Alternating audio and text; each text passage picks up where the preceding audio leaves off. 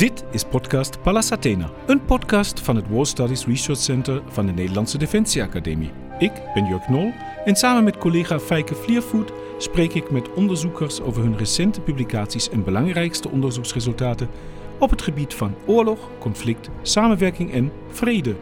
Wie hebben we vandaag te gast, Feike? Vandaag hebben we Martin Vink te gast, universitair hoofddocent militair recht aan de Nederlandse Defensieacademie. Met hem gaan we het vandaag hebben over het recht omtrent maritieme oorlogsvoering, onder andere in relatie tot het conflict in Oekraïne. Als politicologen en conflictonderzoekers zijn we minder thuis in dit juridische domein, dus we kijken er naar uit vandaag meer hierover te leren. Welkom Martin. Dankjewel. Aangezien wij ons op onbekend terrein begeven, uh, lijkt het ons goed om bij de basis te beginnen. Welke juridische vraagstukken spelen er eigenlijk op het gebied van maritieme oorlogvoering? Uh, ja, ja, kijk, dat zijn voornamelijk vraagstukken, denk ik, die verband houden gewoon met, uh, met maritieme operaties. En als je uh, maritieme oorlogvoering uh, eigenlijk uit elkaar haalt in twee grote lijnen, dan heb je enerzijds het echte oorlog voeren en anderzijds heb je, laten we zeggen, het economische oorlog voeren. En nou ja, goed, de, de, juridische uitdagingen die bij die twee aan de orde zijn, ja, dat, dat, is eigenlijk, dat zijn de juridische vraagstukken die, die van belang zijn. Nou ja, en, en leg uit.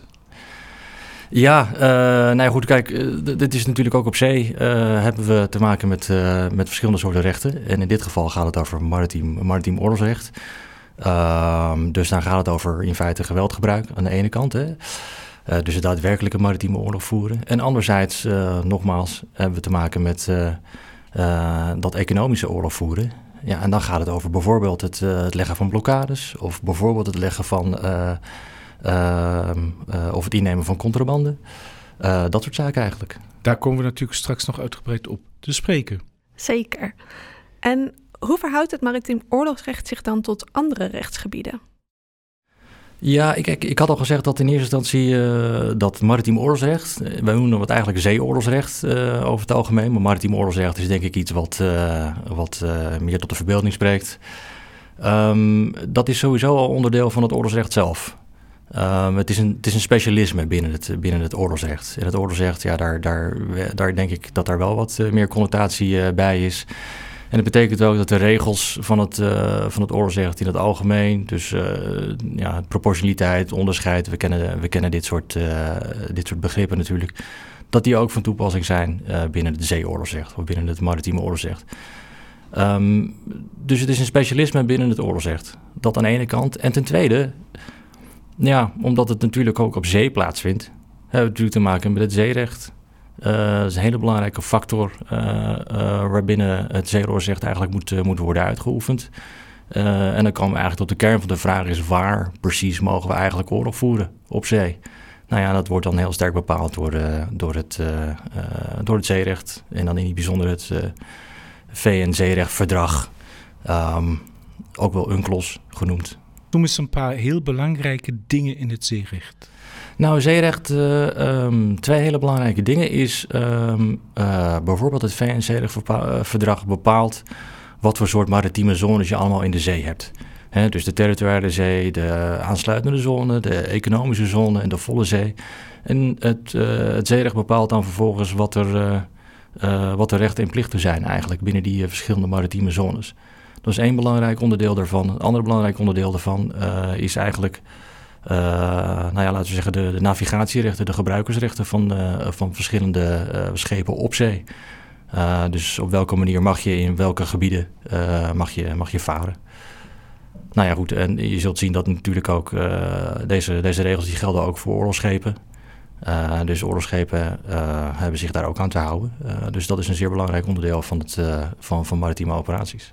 En zijn er in de loop van de tijd dan ook belangrijke veranderingen geweest in die regels uh, op zee, of specifieker met betrekking tot oorlogsvoering op zee, die het juridisch kaders van uh, over maritieme oorlogsvoering in de loop van de tijd hebben verschoven?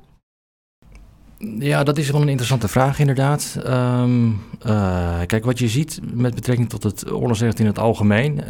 Nou goed, we hebben natuurlijk na de Tweede Wereldoorlog, ik denk dat iedereen dat wel weet, na de Tweede Wereldoorlog is er natuurlijk sprake geweest van het, van het opstellen van de Chinese conventies in 1949. En in de jaren 70 hadden we natuurlijk de aanvullende protocollen. en dat betekende dat het oorlogsrecht, het algemene oorlogsrecht, eigenlijk wel, wel, wel veel meer doorontwikkelde. Uh, en het zegt, eigenlijk is daar toch wel enigszins op achtergebleven. Je ziet dat de vragen die van toepassing zijn voor het zegt... ja, die blijven eigenlijk aan het begin van de 20e eeuw steken... bij de Haagse verdragen van 19, 1907 eigenlijk. Hè. en daar zien we eigenlijk niet zo bijzonder veel verdere ontwikkelingen. Ja, waar het dan precies mee te maken heeft, ja, dat, dat is natuurlijk ook een, interessante vraag om, om jezelf te stellen... Um, nou ja, goed, een van, de, een van de redenen denk ik is dat we op, op een of andere manier binnen de uh, binnen maritieme operaties daar ja, simpelweg gewoon niet uh, geen overeenstemming hebben over, over hoe de regels uiteindelijk op zee zouden, zouden moeten werken. Ja, dat is een van de meest simpele uh, argumentaties waarom, waarom er eigenlijk nu op dit moment nog steeds geen regels zijn voor, voor maritieme operaties en oorlog. ja, jij ziet me wel een beetje verbaasd kijken. Ja, de, de luisteren natuurlijk niet, maar je ziet me wel een beetje verbaasd kijken van... hoe kan het nou dat we zeker na de, na de Tweede Wereldoorlog... je hebt net al gezegd, die verdragen sluiten, we maken afspraken... waar iedereen als het ware dat wel tekent, of zich, zich daaraan houden is iets anders... maar ze tekenen het wel. En waarom dan met het zeeoorlogsrecht niet? Ja, en daar is uiteindelijk gebleken. Kijk, sowieso was het zeeoorlogsrecht. Uh, als we heel even teruggaan naar, laten we zeggen, de, de, manier waarop internationaal recht is opgebouwd, dan hebben we natuurlijk eh, een van de belangrijkste uh, vormen van, van internationaal recht is, zijn natuurlijk verdragen. Dus dat betekent afspraken tussen twee of meer staten. Een andere vorm is internationaal gewoonterecht, uh, waarin we dus in feite geen geschreven afspraken hebben, maar eigenlijk gewoon door praktijk en door opinio juris, door een juridische acceptatie, dat er op een gegeven uiteindelijk een soort van acceptatie bestaat van, van bepaalde regelgeving. Wat we gezien hebben, denk ik, binnen het, binnen het uh, maritiem oorlogsrecht, of het zeeoorlogsrecht, is dat we op heel veel onderwerpen daar eigenlijk nooit, nooit zijn gekomen. Hè. Dus ik had, al, ik had net al gezegd dat we in 1907 een aantal verdragen hadden, hadden opgesteld. En toen zou er nog een verdrag komen, het, het zogenaamde verdrag van, van Londen uit 1909. En daar zou uiteindelijk behoorlijk wat onderwerpen in geregeld worden voor het zeeoorlogsrecht. Maar 1909 uh, zou dit dan, uh, is, dit, uh, is dit verdrag gemaakt. Althans, dat verdrag is op die manier opgesteld, is nooit geratificeerd. En een, een, aantal jaren later, wat gebeurde er toen? Eerste Wereldoorlog. En daaruit bleek dus dat de regels die we daarvoor hadden opgesteld... eigenlijk niet zo goed pasten op de werkelijkheid... die we op dat moment in de Eerste Wereldoorlog hadden. en dat betekent dus ook dat, dat deze regels in feite niet werden toegepast. Daar Wat voor verschillen zag je dan tussen de praktijk en het nou ja, beoogde uh, verdrag? Ja, um, uh, dat, is in, uh, dat zijn wel details. dus dat is in die zin is dat wel, is dat wel moeilijk uit te leggen in, in algemene zin. Um, maar het gaat voornamelijk over de wijze waarop je, um, laten we zeggen, andermans schepen mag innemen en andermans goederen mag innemen. Want het interessante van zeeoorlogsrecht is dat het niet alleen tegen de tegenstander wordt, uh, wordt, uh, wordt gebruikt, maar het wordt ook gebruikt tegen uh, neutrale staten en neutrale schepen. Als er bijvoorbeeld een moment is dat, dat er bepaalde goederen naar een, naar een tegenstander gaan, waarvan de andere tegenstander vindt dat, dat die daar niet mogen komen, omdat, er, omdat dat mogelijk de oorlog kan verlengen. Hè? Bepaalde bouwmaterialen of, uh, of andere soorten goederen, of simpel andere soorten oorlogsmateriaal. Nou, dat, dat mogen we tegenhouden. Uh, maar dat betekent wel een behoorlijke inbreuk op de rechten van neutrale staten. Uh, want wat we doen is de goederen innemen en bovendien ook de schepen innemen. En als we dat op de juiste manier gedaan hebben, dan, ja, dan ben je dus je, ben je, je goederen kwijt, dan ben je je schepen kwijt. En dat is een flinke impact die je in een situatie buiten oorlog eigenlijk niet, niet kan hebben absoluut. Wat interessant dat dat zo, zo werkt. Want dat zou je niet per se verwachten. Dat neutrale partijen dus op die manier nou ja, beïnvloed kunnen worden door een conflict waar ze geen deel van uitmaken. Ja, ja zeker. En, uh, en dat denk ik ook dat dat een van de redenen is waarom er uh, op dit moment eigenlijk nog niet zo bijzonder veel afspraken zijn. Omdat je dus niet, uh, niet zozeer met twee partijen te maken hebt, maar je met altijd met drie partijen heb je, heb je te maken. En in sommige situaties ben jij de oorlogvoerende partij, in andere situaties ben je nou weer een neutrale partij. En dan moet je jezelf afvragen van wat voor positie heb je eigenlijk nou in de wereld en uh, welke positie wil je dan op dat moment wil je, wil je, uh, wil je ondersteunen.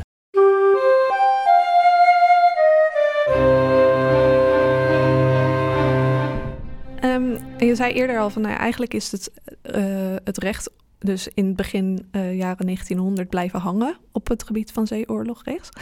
Um, zijn er desondanks nog wel instrumenten dan om maritieme oorlogvoering in goede banen te leiden?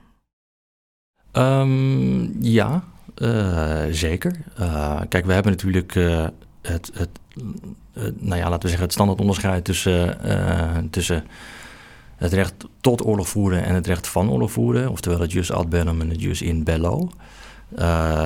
Nou ja, een van de controlemechanismes is natuurlijk het jus ad bellum. Uh, de, de, de vraagstuk omtrent uh, de, uh, wanneer je wel en niet mag, mag oorlog voeren. Dus dat is natuurlijk het eerste, eerste mechanisme wat we, wat, we, wat, we, wat we hebben.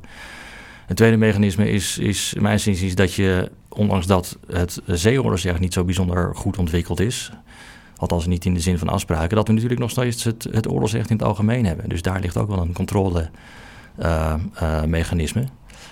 Um, wat wel is ontwikkeld, is het zeerecht in het algemeen. Dus niet het zeeoorlogsrecht, maar het zeerecht in het algemeen. Dat is wel heel erg sterk ontwikkeld. Um, uh, dus dat leidt ons uiteindelijk ook in, in hele goede banen. En um, wat denk ik ook wel interessant is, als we dan even teruggaan naar dat economische, economische oorlog voeren. Uh, oftewel het, het, afnemen van, van goederen van, van, van neutrale staten uh, het afnemen van schepen neutrale staten, is dat als je dat, als je dat op de juiste manier, op een juiste juridische manier eigenlijk inricht, dan moet je het ingenomen goed of het ingenomen schip moet je ook nog eens een keertje voor een rechter leggen. De zogenaamde prijsrechter. Uh, en die bepaalt dus uiteindelijk of je op een uh, legitieme manier een, een goed stukje contrabande of een, of een schip hebt ingenomen. Dus daar, ook daar zit een, een, een, uh, een hele specifieke controlemechanisme uh, op, voor de wijze waarop wij eigenlijk uh, ja, onze activiteit op zee uitvoeren. En, en, en, werkt dit? Nou, dit is interessant. Um, werkt het? We dachten eigenlijk na de Tweede Wereldoorlog dat, dat prijsrechters eigenlijk een, een ding was van het verleden, omdat we dat niet meer gingen toepassen. Uh, het is ook zo dat we volgens mij ergens in het begin 2000, 2001 of iets van die strekking... Uh, hebben we zelfs ook uh, de competentie van prijsrechter uit de wet genomen. Het was vroeger was het, uh, was het de Hoge Raad die de competentie van prijsrechter had. nou, die competentie is afgeschaft. Met andere woorden, wij hebben eigenlijk geen juridisch proces meer... Waarom, waarop we dus die goederen kunnen, kunnen bekijken juridisch gezien. Uh, tegelijkertijd zie je, als je dan, uh, als je breder kijkt in Nederland dan zich, uh, maar naar de conflicten die we nu in de wereld hebben, um, dan denk ik dat een goed voorbeeld is om te kijken naar de prijsrechters die nu de schepen in behandeling hebben die met betrekking tot, tot de Gaza-strook. dus daar ligt een blokkade voor de, voor de Gaza-strook. Nou, de Israëlische uh, die, houdt, uh, die neemt een aantal schepen in, omdat die proberen eigenlijk door die blokkade van Gaza heen te komen. Uh, en zij hebben nu weer opnieuw het leggen de schepen voor, voor een prijsrechter. dus het is geen verleden tijd. Dus prijsrechterschap is geen restgeschiedenis, het is er nog steeds. alleen we hebben het helemaal niet gebruikt. Zijn die prijsrechters dan internationaal aangesteld of nationaal? Of hoe werkt het precies? Dat zijn nationale, nationale rechters inderdaad. Er is ooit eens een keer, eh, en ik verwees er inderdaad naar die Haagse verdragen, uh, er is ooit een keer een, uh, een initiatief gestart om te zeggen, nou weet je wat, in tweede instantie zou het een internationale rechter moeten zijn. Want je kunt je voorstellen dat een land verzint een wet en vervolgens is het de rechter die die wet dan vervolgens gaat toepassen. Um, ja, of dat helemaal objectief is, is natuurlijk maar, is natuurlijk maar de vraag. Uh, daarom is er ook een, uh, was er bedacht dat er een tweede instantie zou moeten zijn, een appelinstantie. En dat zouden dan internationale rechters moeten, moeten zijn. Nou, dat is nooit. Uh, het verdrag bestaat, het is nooit getekend. Um, dat is nooit eigenlijk van de grond gekomen. Dus dat betekent eigenlijk dat, dat prijsrechterschap, oftewel het innemen van goederen of schepen op basis van bijvoorbeeld contrabandenrecht of iets van die strekking, ja, altijd een nationale aangelegenheid is. Dat is um, zeker, zeker heel verhelderend ook. Um, de, de, en ik moet eerlijk zeggen, ik, ik heb het natuurlijk wel ergens gehoord of gelezen met de Gazastrook. Maar dat zijn vaak dingen die we ook vergeten. Wat we niet vergeten is natuurlijk de oorlog in Oekraïne. Dat is uh, uh, op dit moment dat we het opnemen, is het nou net een jaar oud of net een jaar gaande. Maar gedeeltelijk wordt hij natuurlijk ook um, op zee uitgevochten. Kun je kort vertellen welke belangrijke gebeurtenissen zich het afgelopen jaar op zee hebben voorgedaan? Um, ja, zeker. Ik denk, um, uh, kijk, er is sowieso denk ik wel een hoop gebeurd uh, op, uh, op zee. Um, terwijl tegelijkertijd het verloop van de activiteit op zee een beetje obscuur is, omdat er natuurlijk niet zoveel over, over te zien is en over, over, over gehoord is. Kijk, op landoperaties denk ik dat je, dat je ook heel veel andere mensen hebt, met, mobieltjes en weet ik het wat, die op een of andere manier dan toch weten vast te leggen welke, welke tankware is en et cetera. En op zee is dat een stukje moeilijker. Uh, op zee hebben we wel spotters die uiteindelijk vanaf land nog wel kunnen zien welke schepen in de haven liggen of door de straat van Bosporus gaan bijvoorbeeld. maar als ze eenmaal ergens meer op zee zijn, ja, dan zijn er niet zoveel, is er niet zoveel informatie meer. Anders dan dat er, nou, hopelijk, dat weet ik niet, maar hopelijk dat er, dat er toch wel een aantal staten zijn die daar op een of andere manier wel trek op kunnen, kunnen houden. Maar dat maakt het ook wel best wel moeilijk, denk ik, om, om heel goed aan te geven van wat nou precies de course of action is van bijvoorbeeld de Russische, Russische oorlogsschepen. Dat gezegd hebben, uh, ik denk dat een aantal interessante gebeurtenissen kunnen, kunnen we wel aanstippen. Sowieso, kijk, op het moment dat de, dat de oorlog startte, wat deed Rusland toen? ja, toen werden er een aantal maritieme gebieden weer afgesloten. de zee van, van Azov werd, werd natuurlijk afgesloten. En vervolgens werd er ook een, een, een, stukje, een gedeelte van de Zwarte Zee bij Odessa werd, werd op dat moment afgesloten. Ook met, in de context van, van afsluitingen, natuurlijk op verzoek van Oekraïne, hebben, heeft Turkije heeft, natuurlijk de zeestraat afgesloten, de Bosporus en de, en de Dardanellen. Nou ja, goed, dat zorgde natuurlijk voor een aantal beperkingen op de, op de, op de scheepvaart in het, in het algemeen. Wat we ook zagen, denk ik, in het begin was natuurlijk de aanval van een Russisch oorlogsschip op, op Snake Island. Dat, dat zeer strategisch gesitueerde eiland. En kort daarna kregen we in feite de episode van, van zeemijnen, van de drijvende, drijvende zeemijnen. Waarin Oekraïne en Rusland eigenlijk elkaar op een of andere manier betwisten dat zij drijvende zeemijnen hadden, hadden, hadden neergelegd ik denk als we een paar maanden verder gaan, dan hebben we waarschijnlijk ook wel kunnen onthouden dat op een gegeven moment dus die hele graancrisis uiteindelijk ontstond. Hè? En die graancrisis die, die ontstond, dat was op zich wel interessant, om, omdat er nou ja, de partijen stonden in deze, in deze dus sterk tegenover elkaar. Want Oekraïne zei van, nou ja, goed, die, die schepen die kunnen er niet uit, want er ligt een blokkade voor de kust. En Rusland zei, nou ja, die blokkade, ik weet niet of die blokkade er daadwerkelijk ligt. Daar hebben ze nooit echt iets, uh, iets, iets heel specifieks over, over gezegd. Maar wat voor de Russen natuurlijk belangrijk was, is dat er een, een, een, een, een mijnenveld voor de kust van, van Odessa lag. Dus Rusland zei, nou, die schepen die mogen er best uit als die, als die mijnen maar weg zijn. Oekraïne zijn de schepen, die kunnen alleen maar uit als de blokkade weg is. En zo kom je tot een padstelling die, waarin we een tijdje hebben gezeten. Dan een paar maanden later, ik denk dat het ook wel interessant is om nog eventjes te, te, onderstrepen, hebben we een aantal drone-aanvallen gehad op, op Sebastopol. Wat ook wel het effect heeft gehad op bijvoorbeeld de, de later ontwikkelde maritieme humanitaire corridors die uiteindelijk zo ontstaan zijn. Ja, dat zijn een beetje de, de, de incidenten, zeg maar, de, de grootste incidenten die, die we de afgelopen jaar natuurlijk gezien hebben in, deze, in de maritieme dimensie. Wat ik wel nog even wil, wil aanstippen, en dat is denk ik nog wel een interessante die je niet vaak voorbij ziet komen, mijn zinziens, is even terug naar die zee van Azov. We kunnen dat allemaal voorstellen, hoe die zee van Azov... Ja, we hebben helaas geen kaart uh, voor ons, maar uh, dan moet de luisteraar me ook eventjes een voorstelling van maken... hoe die zee van Azov eruit ziet. We hadden in 2014 was de Krim natuurlijk al ingenomen. Hè? En dat, dan, dan, dat betekende dus dat, dat de doorgang over de straat van Kerch uiteindelijk ook, uh, daar is die brug overheen gebouwd. Dus Rusland had in feite de, de zuidelijke route uh, richting, richting Oekraïne hadden ze al. En vervolgens was er, denk ik, in het noorden waren, was er een gedeelte van, van een aantal provincies was al ingenomen. En vanaf, vanaf 24 februari 2022 hebben de Russen natuurlijk heel sterk geprobeerd om vervolgens die, die noordelijke landroute, die aansluiting te vinden, zodat uiteindelijk de facto nu op dit moment de volledige zee van Azov helemaal omringd is door, uh, door Rusland. Uh, waarvan we kunnen zeggen dus dat al dat grondgebied, uh, waarvan wij vinden dat dat van Oekraïne is, dat dat op dit moment uh, bezet wordt door Rusland. Nou, als je nou even de zijstap neemt naar, naar weer terug naar het zeerecht. Hoe worden de, de, de rechten op zee bepaald? Nou, dat begint altijd bij land. Dus als je land hebt, dan heb je ook zee. Als je geen land hebt, dan heb je ook geen zee, want dan kun je dat uiteindelijk niet, niet uitrekenen.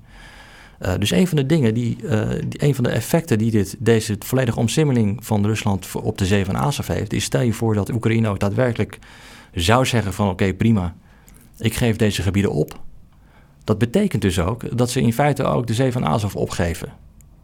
En de zee van Azov is geen kleine zee, want die is ongeveer net zo groot als, of ietsje, ietsje kleiner dan, dan het grondgebied van Nederland. Maar hierbij is het dus wel van belang dat Oekraïne eerst zou zeggen wij geven dit territorium inderdaad op en uh, geven onze rechten daarmee uit handen. En het is niet zo dat uiteindelijk op basis van nou ja, of uiteindelijk door de tijd uh, die verstrijkt en Rusland heeft het gebied in handen, dat ze dat vanzelf uiteindelijk krijgen. Nee.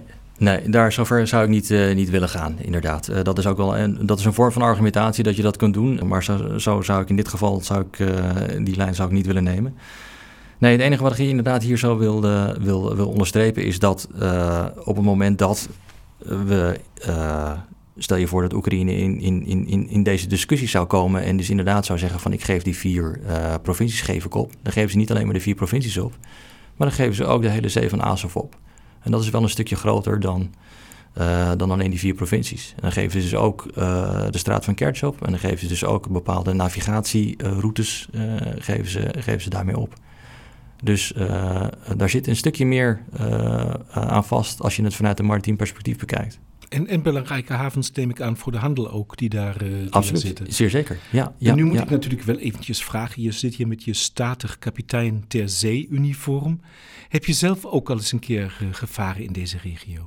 Ik heb helaas in deze regio heb ik, uh, heb okay. ik niet, niet gevaren. Nee. nee, nee, nee. Want je probeert wel een beetje de classics van, de, van, van de wereld probeer je natuurlijk wel aan te doen. Ja. Uh, maar nee, het is mij helaas niet gelukt om, uh, om uh, nog eens een keertje door de, in de Zwarte Zee te kunnen te hebben gevaren.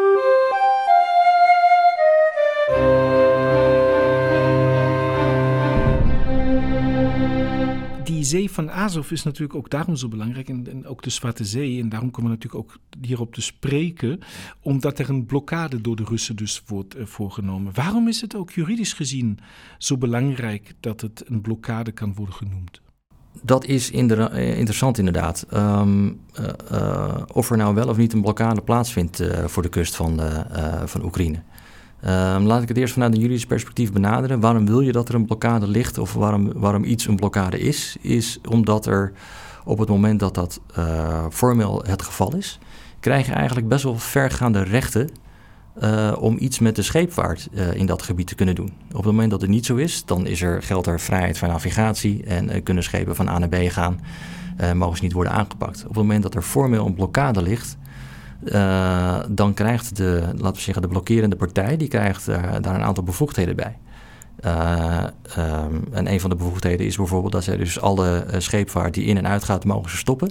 En op het moment dat die scheepvaart niet luistert, even heel kort in de bocht, als de scheepvaart niet luistert, dan mogen ze daar uh, uh, actie tegen ondernemen.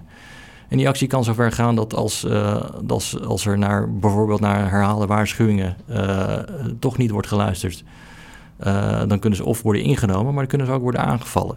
Met andere woorden, op het moment dat jij probeert een blokkade te doorbreken, dan zou het ook wel kunnen zijn dat je als militair doel wordt, wordt bestempeld en dus eigenlijk niet meer beschermd bent. Uh, nou ja, dit is dan een heel typisch voorbeeldje waarin, waarin je kunt zien dat dus het formeel leggen van een blokkade dus met vergaande bevoegdheden uh, gepaard gaat. En hoe gebeurt dat dan precies? Hoe roep je formeel een blokkade af? Kijk, wat belangrijk is, is dat zo'n dat, dat de, de, de varende gemeenschap weet dat er een blokkade ligt. Eigenlijk zijn er twee partijen die moeten weten waar, nou ja, drie partijen zelfs, die moeten weten waar een blokkade ligt. A, de scheepvaart, de algemene scheepvaart. Waarom? Omdat, ze, omdat er heel veel consequenties aan vastzitten natuurlijk. Uh, staten moeten het weten, formeel. En uh, nou goed, de tegenpartij moet het natuurlijk weten, maar uh, ja, dat is iets minder, minder van belang. Maar hij moet wel formeel worden afgekondigd. Vroeger ging dat, ging dat echt met, met diplomatieke papiertjes die we elkaar schreven. En tegenwoordig hebben we ja, wat meer een, ja, een meer loslopend of, of ja, wat is het, geaccepteerd systeem eigenlijk van notice to mariners. Zodat iedereen het eigenlijk op, op zee weet wat er precies aan de hand is. Dus, dus als je via dat soort kanalen uiteindelijk naar buiten brengt dat er dus in een bepaald gebied een blokkade ligt, ja, dan is dat in feite voldoende. Dus dan hoef je niet eerst via de diplomatieke kanalen en dan vervolgens via de diplomatieke kanalen worden, worden, wordt de scheepvaart geïnformeerd. Dus nu is er, is er, laten we zeggen, zijn er meer automatische vormen van, uh, van, van wijze waarop je dat uiteindelijk gaat, kan, kan uitrollen. Dus dat één kant. En de tweede kant is dat je op het moment dat je ook daadwerkelijk bijvoorbeeld met een, met een, met een schip daar in de buurt komt, dat het de bedoeling is dat de blokkadecommandant je uiteindelijk ook eerst waarschuwt voordat je uiteindelijk actie onderneemt. Dus je hebt A, de grote formele afkondiging. Dat ten eerste. En ten tweede, als je in de buurt bent, dan is het wel de bedoeling dat je, dat je de scheepvaart ook nog wat waarschuwing geeft. voordat je uiteindelijk die vergaande bevoegdheden gaat gebruiken. Nou ja, en, en je hebt het net al genoemd uh, dat er uh, zeemijnen ook worden ingezet. Ik ja. kan me voorstellen dat het een belangrijk onderdeel is van zo'n blokkade. En dat als je dat niet weet en je komt iets te dicht bij zo'n zeemijn, dat het best veel uh, schade kan berokken ook aan je schip. Maar de belangrijke vraag is natuurlijk vanuit een juridisch oogpunt: kunnen ze zomaar zeemijnen inzetten, de conflicterende partijen? Ja. Nou. Is dat kort antwoord? Ja, ja, ja. ja, dat is natuurlijk super interessant. Dus, ja, nee. Uh, we hebben af, als je het bijvoorbeeld over op land hebt, dan heb je, heb je antipersoneelsmijnen, waarin, uh, waarin een aantal verdragen zijn gemaakt, waarin we toch hebben uh, gezegd dat, uh, dat antipersoneelsmijnen dus, dus verboden zijn of moeten zijn, in ieder geval voor de mensen die het, de staten die het zo'n verdrag hebben ondertekend. Um, wat betrekking tot, met betrekking tot zeemijnen, um, ze zijn op zich niet verboden. Maar er zitten wel een aantal voorwaarden aan vast hoe je ze uiteindelijk mag, mag inzetten. En ik denk dat een aantal, aantal onderwerpen of aantal punten die zijn wel. Uh, nou goed, er is wat regelgeving, uh, maar wat, wat de essentie is dat die zeemijnen eigenlijk onder controle moeten blijven. Op het moment dat ze eigenlijk uh, een, een, onder controle blijven van, van, de, van de leggende staat, dan is het oké.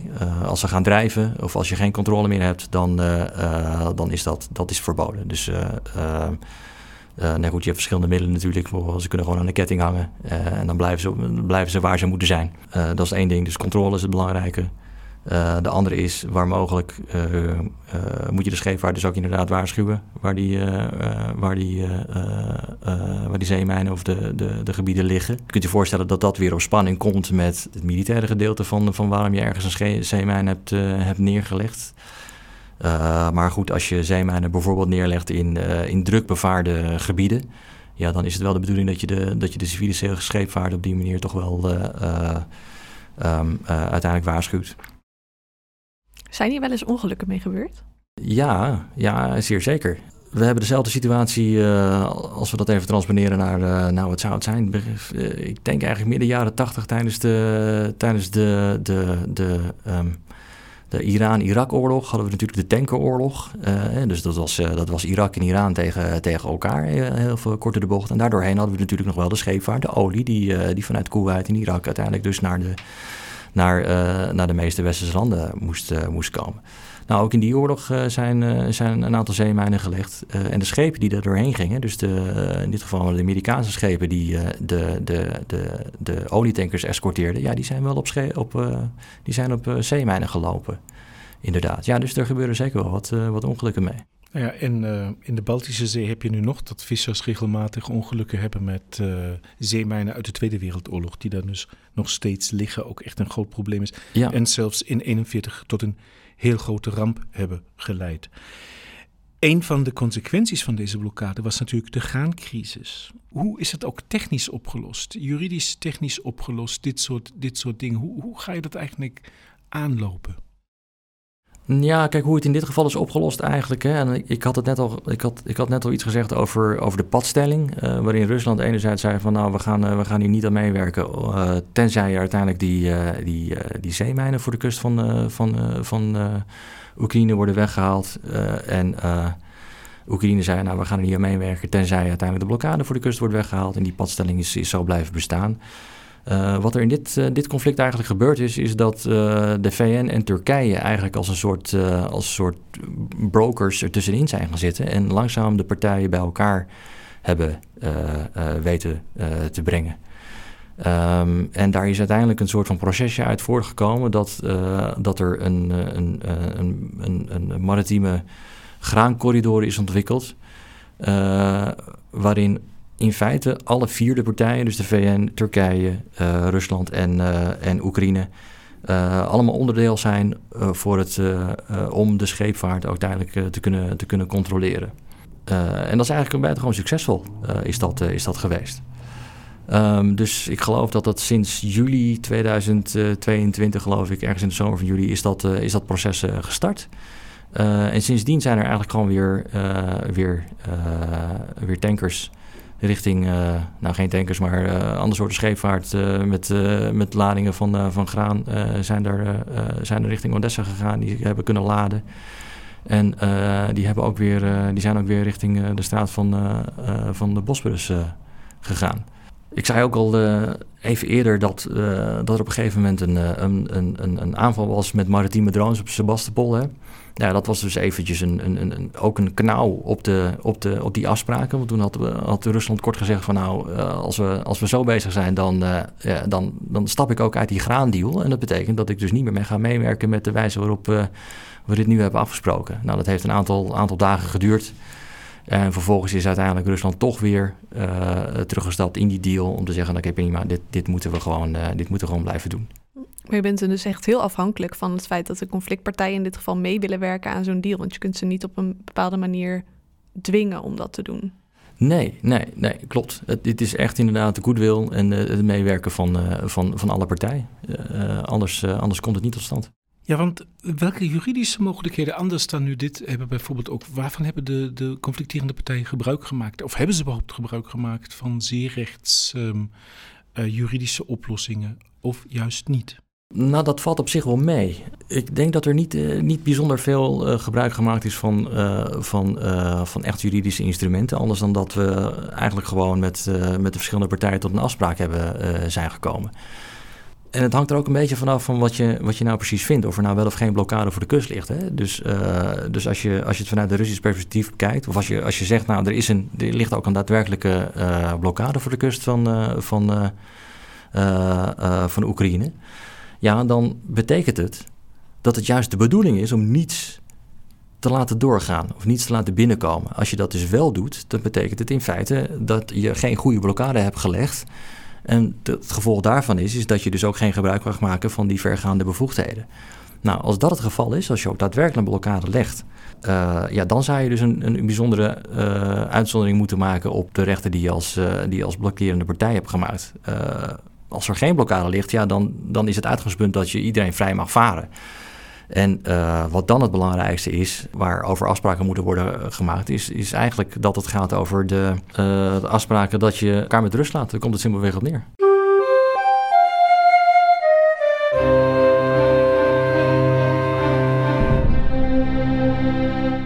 Heel graag nog even met je hebben over de toekomst van het maritiem oorlogsrecht. Zeker nou ja, gezien de observaties die je aan het begin van deze podcast maakte, dat daar nogal wat, uh, nou ja, eigenlijk achterstand is in, uh, uh, in ontwikkeling. Um, op welke ontwikkelingen zou het maritiem oorlogsrecht zich in de toekomst moeten richten volgens jou? Nou ja, misschien drie ontwikkelingen de eerste ontwikkeling, ik zou zeggen, is, is, is, is, is wat we ook binnen de andere, uh, laten we zeggen, takken van oorlog uh, zien, is natuurlijk, dat zijn technische ontwikkelingen.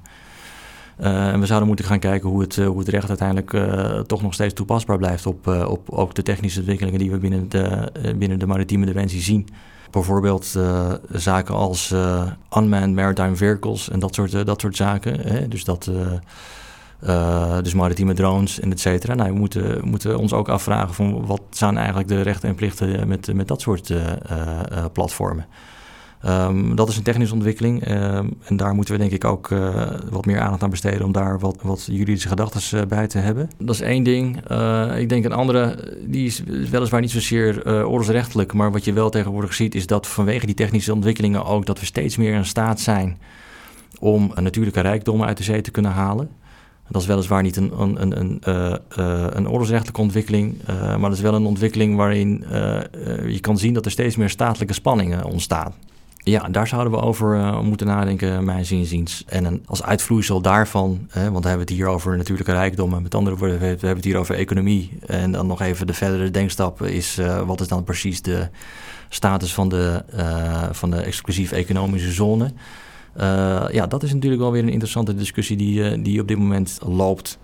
Of de exclusief economische zone eigenlijk een daadwerkelijke economische zone is. Of dat we, uh, zoals sommige staten menen, eigenlijk een soort van veiligheidszone is. En of we, daar, of we die kant op zouden, zouden moeten ontwikkelen. dus daar, daar, is nog wel wat, ja, daar moet nog wel wat over, over nagedacht worden. En, en wat zijn daar de, de, de structurele uitdagingen bij? Uh, de structurele uitdagingen daarbij zijn, uh, mijn zin dat we, dat we in dat, in dat VNC-verdrag, wat ik in het begin al uh, had genoemd, is dat we daar het uitgangspunt hebben genomen dat dat een economische zone is. Punt.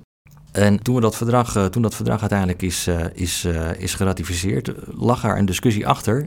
namelijk dat sommige staten vonden dat het een veiligheidszone moet zijn. Nou, die discussie is toen beslecht, maar de sentimenten zijn er nog steeds.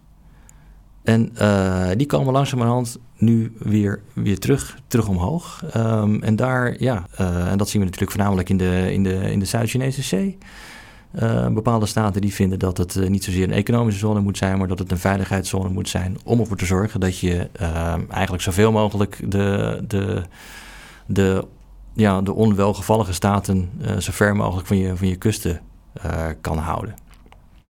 Ja, en, en, en denk aan de Middellandse Zee. Je hebt net al genoemd Zeker, ja, Palestijnen en, en uh, Israël, maar ook Turkije, Griekenland. Turkije, Griekenland, absoluut. Uh, ja, olie, gas voorkomen. Dus dat zijn natuurlijk wel erg uh, belangrijke vragen.